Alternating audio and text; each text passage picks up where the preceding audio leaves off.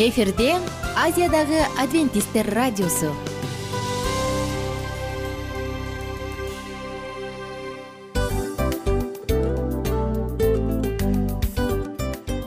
Достор салют. Баардык сүйүктүү угармандарыбызга салам айтабыз. Кутман күнүңүздөр менен.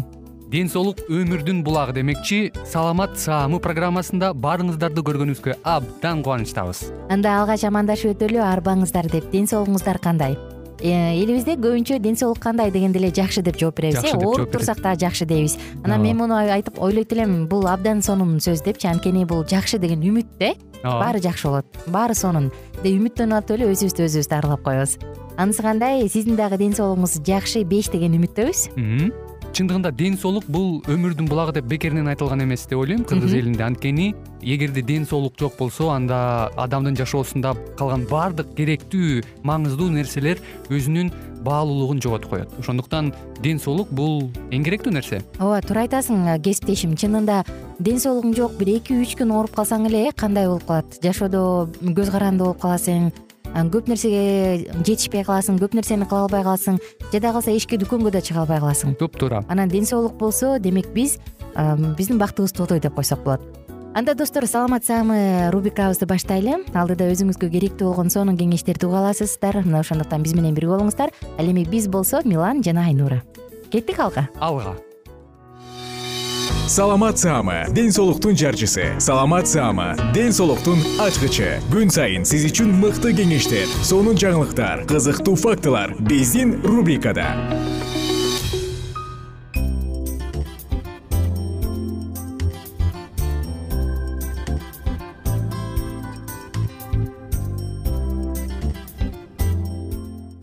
Кутман күн достор сүйүктүү угармандарыбыздын баардыгына ысык салам айтабыз. Жана сиздер менен саламат саама радио баракчасында? Суу менен дарылануу деп айтылган темабызды улантуудабыз. Аты жөнүм айнура миназарова. Биз мурунку уктуруубузда бутка чылапчынга чылапчынга бутту ысык сууга салуу жөнүндө жана сүлгү менен дарылануу ыкмасы жөнүндө сөз кылганбыз. Эми бүгүнкү үчүнчү бөлүмдө сиздер менен бирге калпактар менен сүртүү жөнүндө сөз кылганы турабыз кантип сүртүш керек? Эмнеге пайдалуу? Кандай зыяндуу жагы бар эмнени эске алыш керек? Мына булардын баардыгы алдыда биз менен бирге болуңуздар.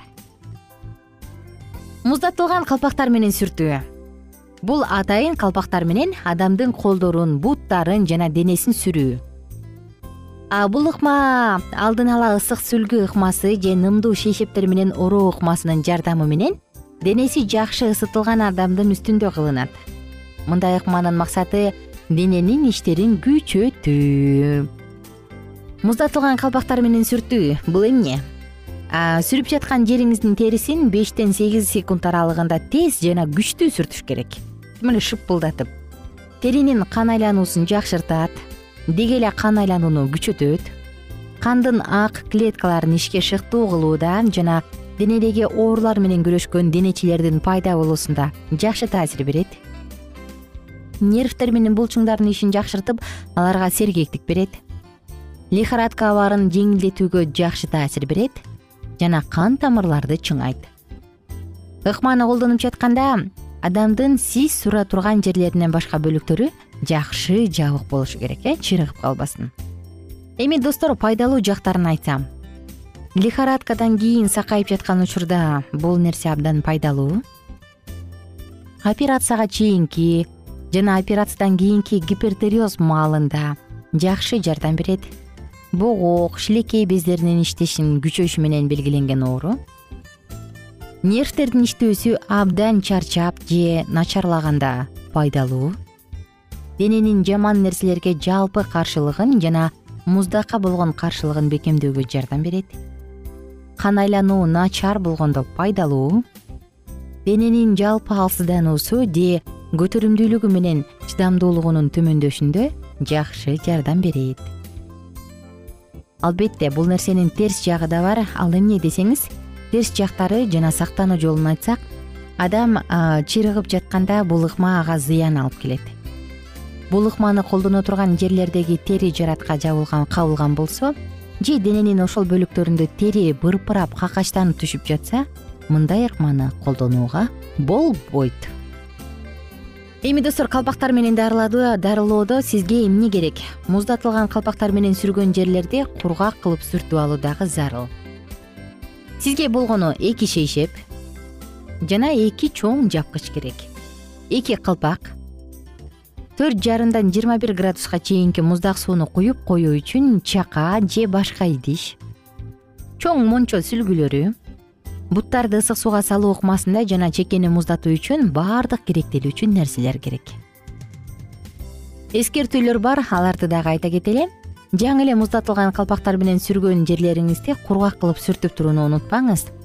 Ыкманы колдонуп жаткан адамдын денеси жакшылап ысытылганын текшериңиз. Өзгөчө буттарын жакшы ысытыңыз. Аны чыйрыгуудан сактоо үчүн сүрө турган жериңизден башка жерлерин дайым жылуу жаап коюңуз сүрүшүү жерлерди гана ачып алыңыз. Адамдын терисине зыян келтирип оорутуудан сак болуңуз. Бул ыкма соңуна чыкканда адамдын денеси жылуу жана кургак калышы керек. Бул ыкманы тез жана күч менен бат кылганда гана жакшы ийгиликке жетесиз. Денени чыңдоодо бул ыкма абдан жакшы жардам берет. Мына бул нерселер эскерүүлөр эске алууну унутпайлы эми дарылануу ыкмасына кандай даярдык көрөбүз?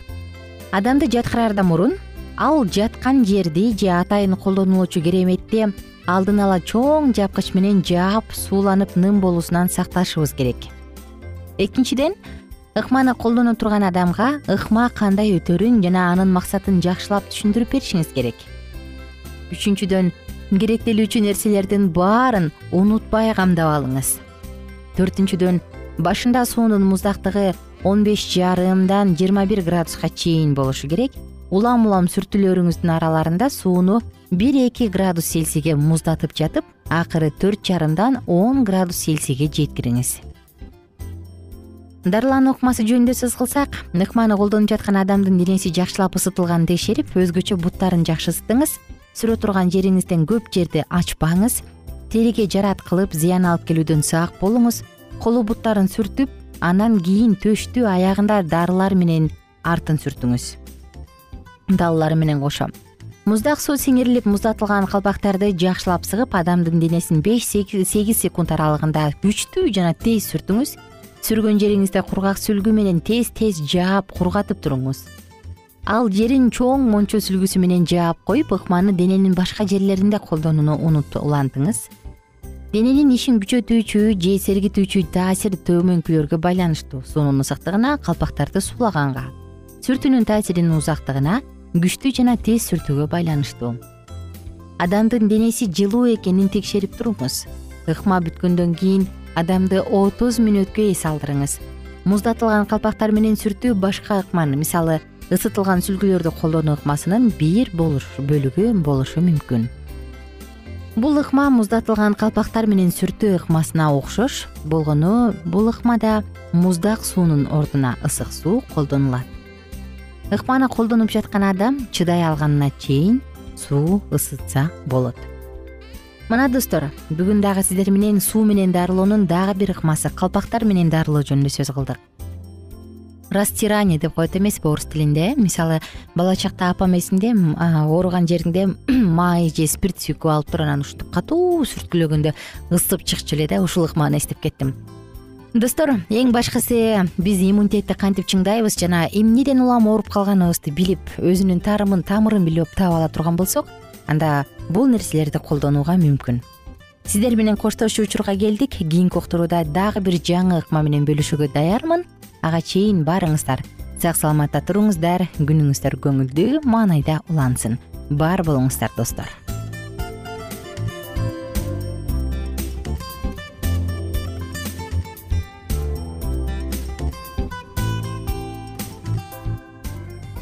Кененирээк маалыматтар үчүн үч w чекит саламат чекит клуб сайтына келип таанышыңыздар. Жана андан тышкары социалдык тармактарда youtube facebook жана instagram баракчаларына катталыңыз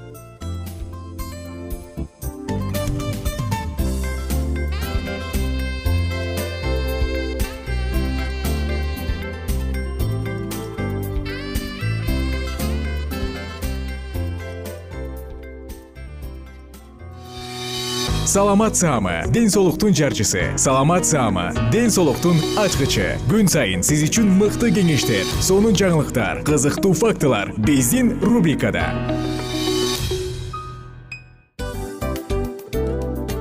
Салам достор. Кайрадан биздин сүйүктүү рубрикабызга кош келиңиздер деп айтмакчыбыз. Баардык замандаштарыбызга арбаңыздар деп саламыбызды айтабыз. Улуу ушундай бир э, урматтаган учурашуу менен анан дил маек радио баракчабызга чакырабыз. Негизи дил маек биздин рубрикабызда эмне жөнүндө кеп кылабыз? Бул дил маектин мааниси эмнеде? Рубрикабыз менен кичине тааныштырып кетсеңиз. Сөзсүз түрдө тааныштыра кетейин кесиптешим суранычы боюнча бул учурда бул радио баракчада биз ар тарап кесип ээлеринен сонун кеңештерди алабыз сүйлөшөбүз сырдашабыз аталарыбыздын эжелерибиздин апаларыбыздын кеңештерин угабыз айтор жан дүйнөгө адамдын э, сапатына адамдын деги эле адам болуп жашашына керектүү баардык кеңештер алдыда. Негизи э, дил маек дегенде баягы эки адамдын ортосундагы сырдашуу кенен сүйлөшүү. Негизи эле биз адамдар бири бирибиз менен бир жерге жай жерге отуруп алып өзүнчө тынч э, жашоо жөнүндө өмүрүбүздө эмне болуп атканын бөлүшкөнү жакшы көрөбүз э адамдар. Ооба туура айтасың анан мындай учурга кээде убакыт да жетпей келет э. Же болбосо сырыңды кайгыңды муңуңду кубанычыңды айткың келет адамга ишенбешиң мүмкүн. Ооба. А бул радио баракча угармандарыбыздын чыныгы досу. Анткени бизден алган кеңеш сиздин жашооңузга чоң жардам берет. Ал эми сиздин бизге айта турган сөзүңүз ортодо гана сыр бойдон калат. Ошондуктан биздин дил маек рубрикабызга дагы бир жолу кош келиңиздер. Жана биз даярдаган маалыматтарга даяр болуңуздар. Айнура жана милан сиздер менен бирге алдыга кеттик ар түрдүү ардактуу кесип ээлеринен. Алтын сөздөр жүрөк ачышкан сыр чачышкан сонун маек. Дил маек рубрикасында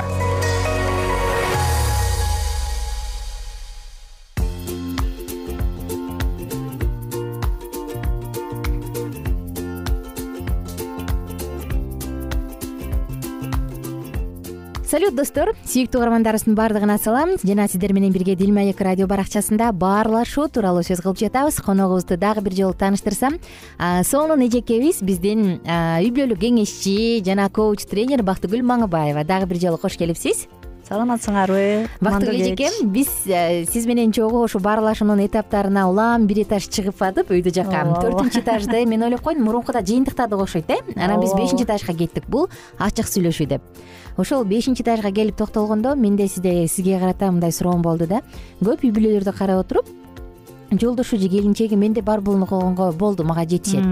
А бирок өзгөчө аял заты баягы сезимтал келгендиктен алар менин жан дүйнөмдү абалымды сураса мен эмнени сезип атам кызыктар болуп койсо менин ден соолугум кандай деп сураса же болбосо ден соолугуң ооруп атсаң деле а бул өзүн өзү карап алат дегендей мамиле кылабы айтор мындай четте эле кала берген айымдар мырзалар да жок эмес го ооба ооба. Эмне себептен адам мындай болуп калат да? Эмне себептен ал баягы дасторконумда наным бар балам каралуу үйүм таза иштеп атат акча таап келип атат мен да иштеп атам таап атам болду мага ушул эле жетишет деп ушул мамилени андан ары өөрчүткүсү келбей калат да. Ооба бул абдан кызыктуу суроо. Көп убакта ушул менен алек болобуз ушул суроонун үстүндө көптөр үчүн бул кызык э. Анан көп убакта чыгуу жолу жоктой көрүнөт эмне үчүн мындай болуп калды деп э.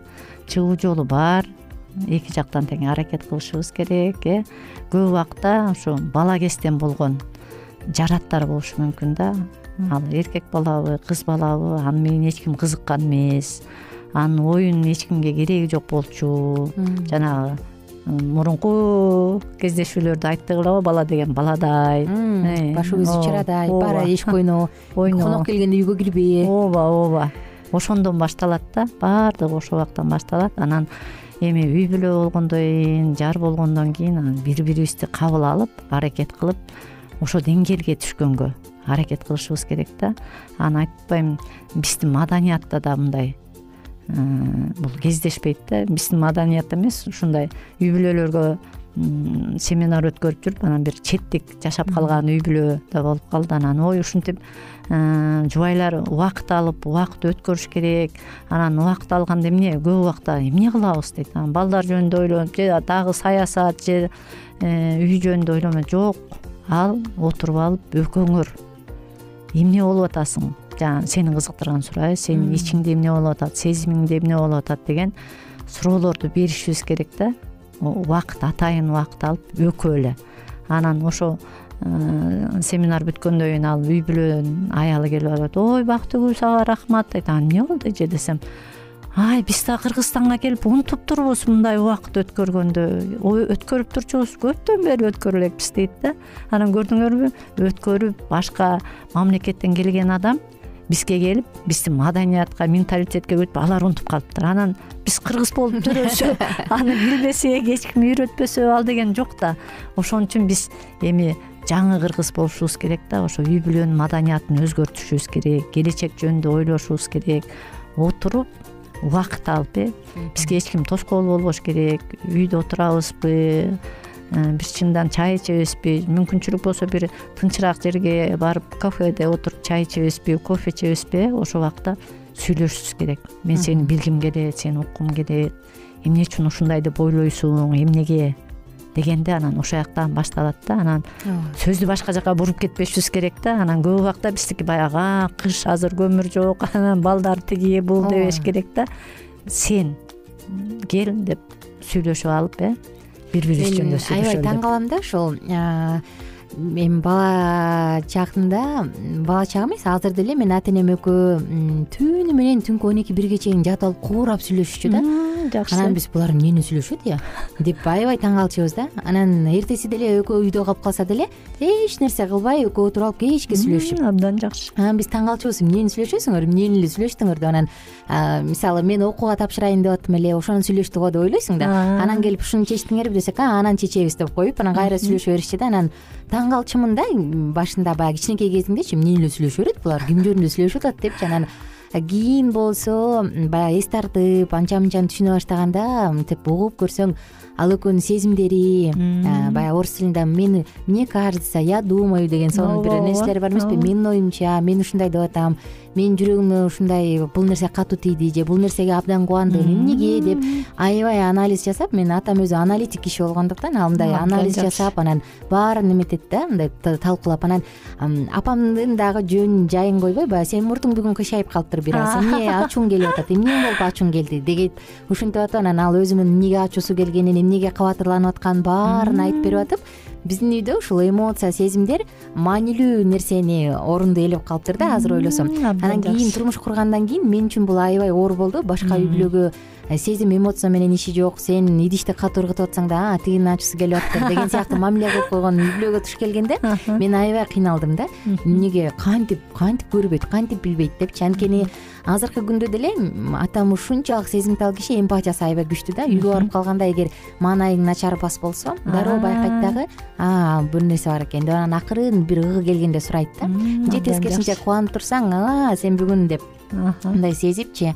Анан аябай таң калып коем да ушундай эгерде адам деп ушундан кийин өзүм баягы тыянак чыгарып калдым адам эгер өзүнүн сезимин эмоцияларын ишенип көрсөтө албаса ишенип айта албаса демек бул мамиленин керектүү деңгээлде эмес экен. Мейли алар жубайлар болсун он жыл жыйырма жыл чогуу жашасын бирок ортодо баягы доверие деп коет го ишенимдүүлүк жок жок болгондуктан окшойт деп калдым да бул нерсечи анткени мен кандай болсо мени ошондой кабыл ала албайт деп ишенинбейт анан ким билет бул? Балким эртең басып кетет. Деген сыяктуу айтор ушундай ишенимдүүлүк жоктуктан улам экен деп ойлоп калдым да. Баягы түгөйлөр бири бирине канчалык ишенсе ал ошончолук өзү жөнүндө айткысы келет да ошончолук айткысы келет ошончолук билдиргиси келет анан айтып калам а көрсө мен ойлочумун түгөйлөрдүн баары силердей болот экен деп көрсө андай эмес экен деп калдым да. Биздин карамагыбызда аз эле убакыт калды кийинки уктурууда ушуну улантабыз. Жана достор биз менен бирге болуңуздар. Бүгүнкү күнүңүздөр дагы ийгиликтүү өтсүн жана бүгүн дагы биз ар бир түгөй менин баарлашуум канчанчы этажда деп ойлончу сонун ой бар э? Ооба сиздер менен коштошобуз. Бар болуңуздар кийинки уктуруулардан кайрадан амандашканча сак саламатта туруңуздар достор. Баталуу болуңуздар.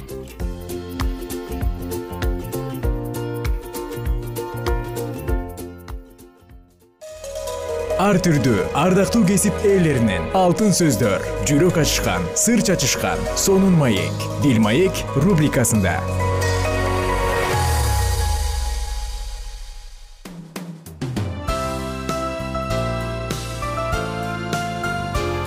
эфирде азиядагы адвентисттер радиосу.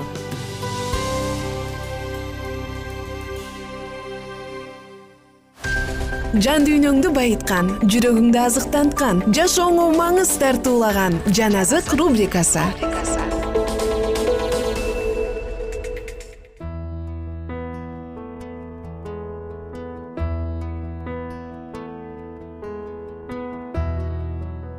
салам достор. Баардык угармандарыбызга ысык салам айтып сиздер менен кайрадан жагымдуу саатыбызды баштадык. Бул радио баракчасы жан азык радио баракчасы. Тип жана анын шам чырагы деп аталган аңгемени бирге улантабыз. Мен эмне кылдым? Анын эмне кылыш керектиги так көрсөтүлгөндөн кийин да ал азгырыкка алдырып койду. Баары сыйлаган жакшы мырзалардын театрга келген келбегени менен анын кандай иши бар? Балким кудай аларга эмне кылыш керектигин эч качан көрсөтпөгөн чыгар. Балким алар алардан кач алардын жанынан кыя өт деген сөздөрдү эч убакта окушкан эместир балким алар жыйынга барышканы менен кудайды тааный элек адамдардыр. Мунун баары анын иши эмес тип бир эле нерсени түшүндү. Ал жаман иш кылды абдан жаман. Ушуну ойлогондо анын жаны кийип кетти. Эми эмне кылышы керек?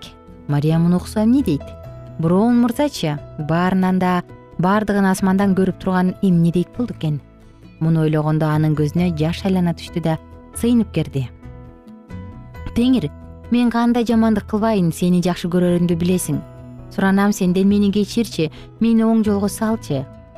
Ал тизилеп алып көпкө чейин сыйынды. Анын сыйынуусу бекер болгон жок.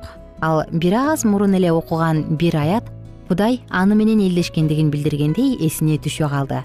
Сен кечиргенди сүйгөн кең пейил ырайымдуу сабырдуу боорукер кудай болгондуктан эмне кылаарын билбей калган башка көп учурда жардамга келгенде эле анын чырагы ага бул жолу да жардам берди.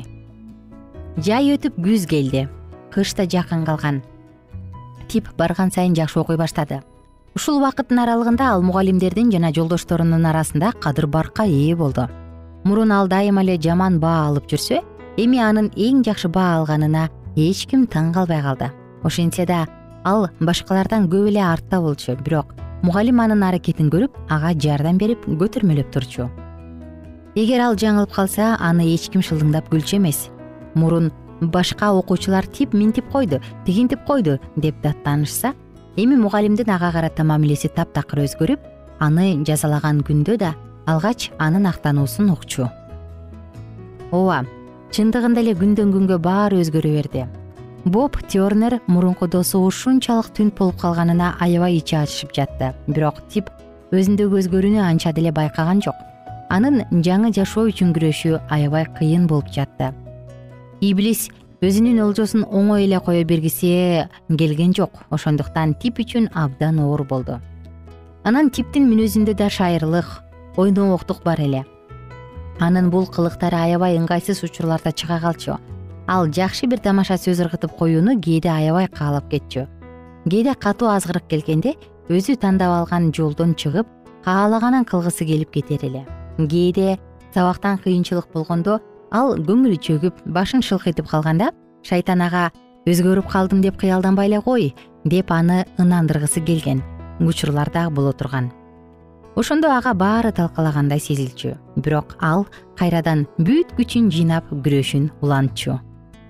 Сабактан ал көбүнчө арифметикадан кыйналар эле. Бул предмет боюнча ал акыркылардын катарында болчу жана кошуудан ары дагы жыла элек эле ноябрдын суук күндөрүнүн бири кар жаап суук түшүп калган. Тип мажүрүм талдын түбүндөгү иш кабинети менен коштошуп сабакты үйүндө окушу керек болуп калган. Үйдөн сабак окуу тип үчүн кыйын болчу. Бул таңда ал оюн топтой албай аябай кыйналды. Оорулуу атасы таң атканча жөтөлүп чыкты. Ошондуктан кыйналган апасы да сиркеси суу көтөрбөй ачууланып жаткан. Ушундай учурларда мария да өчөшкөндөй жолтоо боло берчү анан калса ашкананын ичи толтура ыш болуп отурганга мүмкүн эмес эле. Тип ушундай шарттарда сабагын окушу керек болчу. Ошондуктан анын арифметикадан берген тапшырманы бешинчи жолу окууга киришкени да таң каларлык эмес. Ошол учурда мария өктөм үнү менен тип тур отун жарып берчи бол бачым мен жалгыз жетише албай жатам деп кыйкырды. Ал ордунан араң турду да ачуусу келе отун жара баштады мен калп эле аракет кылып жатам. Мен баары бир муну чыгара албайм. Мен эч нерсе билбейм эч качан билбейм. Мен бул маселени чыгарганга бааяттан бери канча жолу аракет кылдым. Баары бир эчтеке түшүнгөн жокмун. Дагы бир жолу аракет кылып көрөм акыры акыркы жолу деп ойлонуп жатты ал отун жарып жатып. Жумушун бүтүп китеп дептерин алды да терезеге келди. Ал маселени дагы деле түшүнгөн жок. Сабак башталарына аз эле убакыт калган. Ал бир маалда атасы мурун оору илегинде иштеп жүргөндө узун узун сандарды жазып жүргөнүн эстей калды. Ким билет балким атасы жардам бере алар деп дароо ордунан турду да оорулуунун бөлмөсүнө барды. Ата деди акырын сен мага могул эсепти түшүндүрүп бере аласыңбы?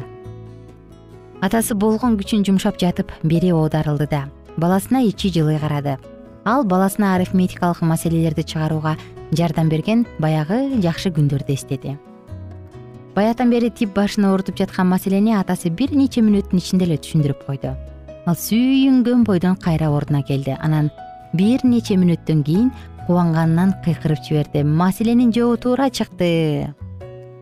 Сабактан мугалим алгач типтин бөлүмүндөгү окуучудан сурай баштады. Ал бала бул маселени аткара албай коюптур. Башка балдар дагы чыгара албай коюшкандарын айтышты. Мугалим башка суроого өтөйүн деп баратып типти байкап калды да. Эдуард бул эсепти чыгара аласыңбы? деп сурап калды. Ооба. Тип досканы көздөй жөнөдү окуучулардын баары андан көзүн албай карап калышты. Салтанаттуу түрдө жоопту жазды. Ал өзү дагы өзүнүн ушул эркиндигине таң калып жатты. Аңгыча мугалим мындай деди. Жакшы азамат сен акыркы учурда аябай аракет кылып жакшы ийгиликтерге жетишип жатканыңды көрүп жатам. Мен сени үчүнчү бөлүмгө котором. Алар эртеңден баштап көбөйтүүнү өтө башташат. Ал эми силер болсо деди ал башкаларга кайрылып. Баарын башынан баштайсыңар. Анткени силер буга чейинки материалды эч түшүнбөптүрсүңөр кымбаттуу угарман мына ушул жерден кызыктуу аңгемебизди токтотобуз жана кийинки уктурууга чейин деп коштошобуз. Күнүңүздөр көңүлдүү улансын кийинки уктурууда типтин тагдырын андан ары бирге улантабыз. Бар болуңуздар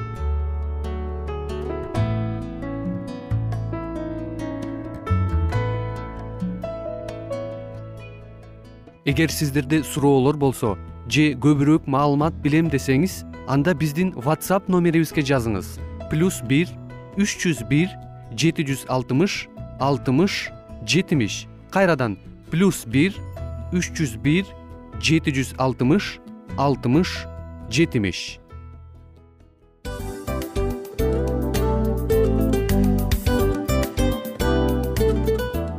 ушул менен достор программабыздын уктуруубуздун эң кайгылуу мөөнөтүнө келип жеттик. Кайгылуу дегенде ыйлагым келип кетти кесиптеш. Кадимкидей анткени баягы учурашасың анан коштошуу учур келгенде ии кантип ии эми бат баттан келиптир э сагындырбай деп атып араң коштошобуз го. Анысы кандай? Угармандарыбыз менен коштошчу учур келди. Кийинки уктурууларды сагыныч менен жүрөгүбүздө кусалык менен күтөбүз жалпыңыздарды анан жарым сааттык уктуруу көз ачып жумканча өтүп кетти. Сөзсүз бирок бизде жакшы кабар бар. Кийинки уктурууларыбызда сөзсүз дагы кезигишебиз. Анткени биз көптөгөн сюрприздерди кызыктуу маалыматтарды жана керектүү керектүү нерселердин көбүнчөсүн даярдадык.